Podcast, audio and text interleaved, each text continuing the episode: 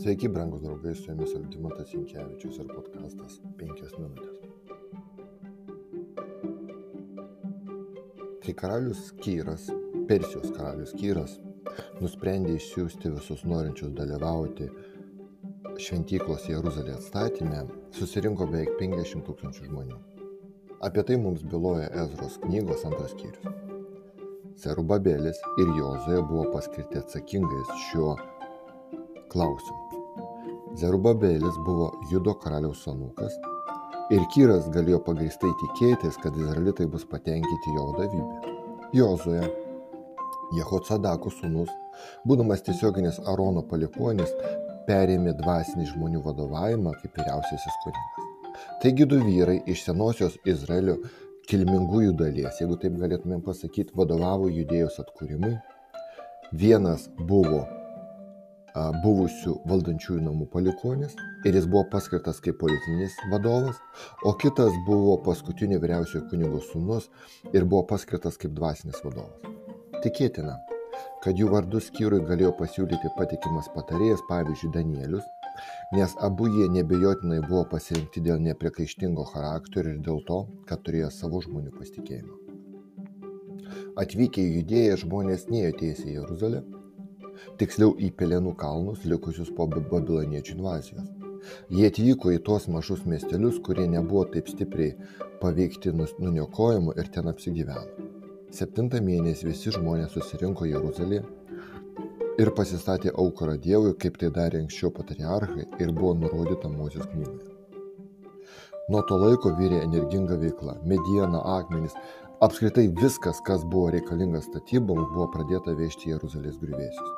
Samariečiai, kurie iš pradžių parodė susidomėjimo šventyklos statybą, dabar pradėjo priešintis statybai. Jie apkaltino izraelitus karaliaus akivaizdoje, kad izraelitams atstačius Jeruzalę, nors jie ketino statyti tik šventyklą, jie atsimes nuo persų valdovo. Neturėdamas aiškaus supratimo apie tai, kas vyksta Jeruzalėje, Persijos a, karalius o greičiausiai asmuo, kuris buvo paskirtas sosto prižiūrėtojo arba globėjo, nes tiek Kyras, tiek jo sūnus Kambizas dažnai nebuvo sostinėje, nes dalyvaudavo karinėse kampanijose. Taigi Persijos karalius davė įsakymą, kad tie žmonės liautųsi statę. Tad miestas Tas miestas negali būti atstatomas, kol nebus duotas kitas mano nurodymas. Mes tai randame Ezros knygos ketvirtame skyriuje. Sastatyba sustojo daugelį metų.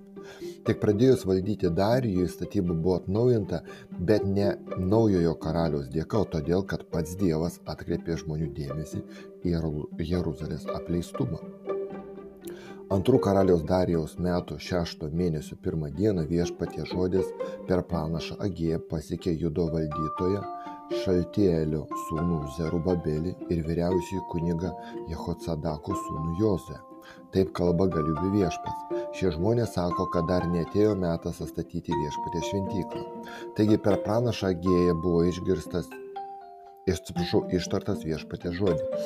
Argi metas jums gyventi pagražinimais apkaltose savo namuose, kai šie namai tebėra sugriauti? Dabar taip kalba galiubių viešpas. Susimastykite, kaip jums sekėsi. Jūs daug sėjote, bet mažai nuvalėte.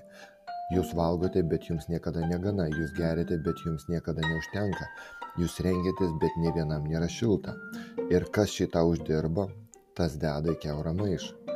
Taip kalba galiubių viešpats, susimastykite, kaip jums sekasi. Kopkite į kalnus, pagarbink, pagarb, atsiprašau, pargabenkite rastų ir statykite namus. Todėl žvel, tad, tuomet žvelgsiu juos su malonumu ir būsiu pašlovintas, sako viešpats. Tai mes randame Gėjo knygoje pirmame skyriuje, nuo pirmos eilutės. Tam tikrų metų tiek Zrubabelis, tiek Jozue, tiek visi žmonės taiga suprato, kad pamiršo, kodėl jie atvyko iš Babilono, iš Persijos karalystės. Kai jie buvo sustabdyti nuo darbo, jie net nebandė kreiptis į karalių, kad jis iškeltų šventyklos statybos klausimą. Paaiškėjo, kad jiems patogiau užsimti savo reikalais, o ne tais, dėl ko jie sugrįžo.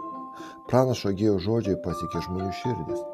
Šaltėlių sūnus Zarababėlis ir vyriausias kuningas Jozoje draugė su visų tautos likučiu paklausė viešpatės savo dievo balso ir pranašo Gėjo žodžių, nes viešpats jų dievas buvo įsiuntęs. Žmonės buvo apimti viešpaties baimės.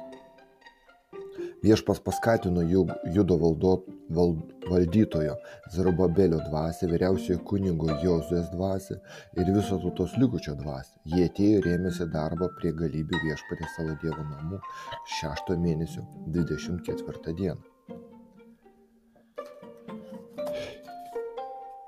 Ir kai Darijų pasiekė žinia apie statybas, jis ne tik pritarė statyboms, bet ir liepė visai jas paremti. Prangus draugai, su viešpaties pagalba šventykla buvo statyta per 4,5 metų, tra, trejais metais greičiau nei šventyklą pastatė pats Saliamonas.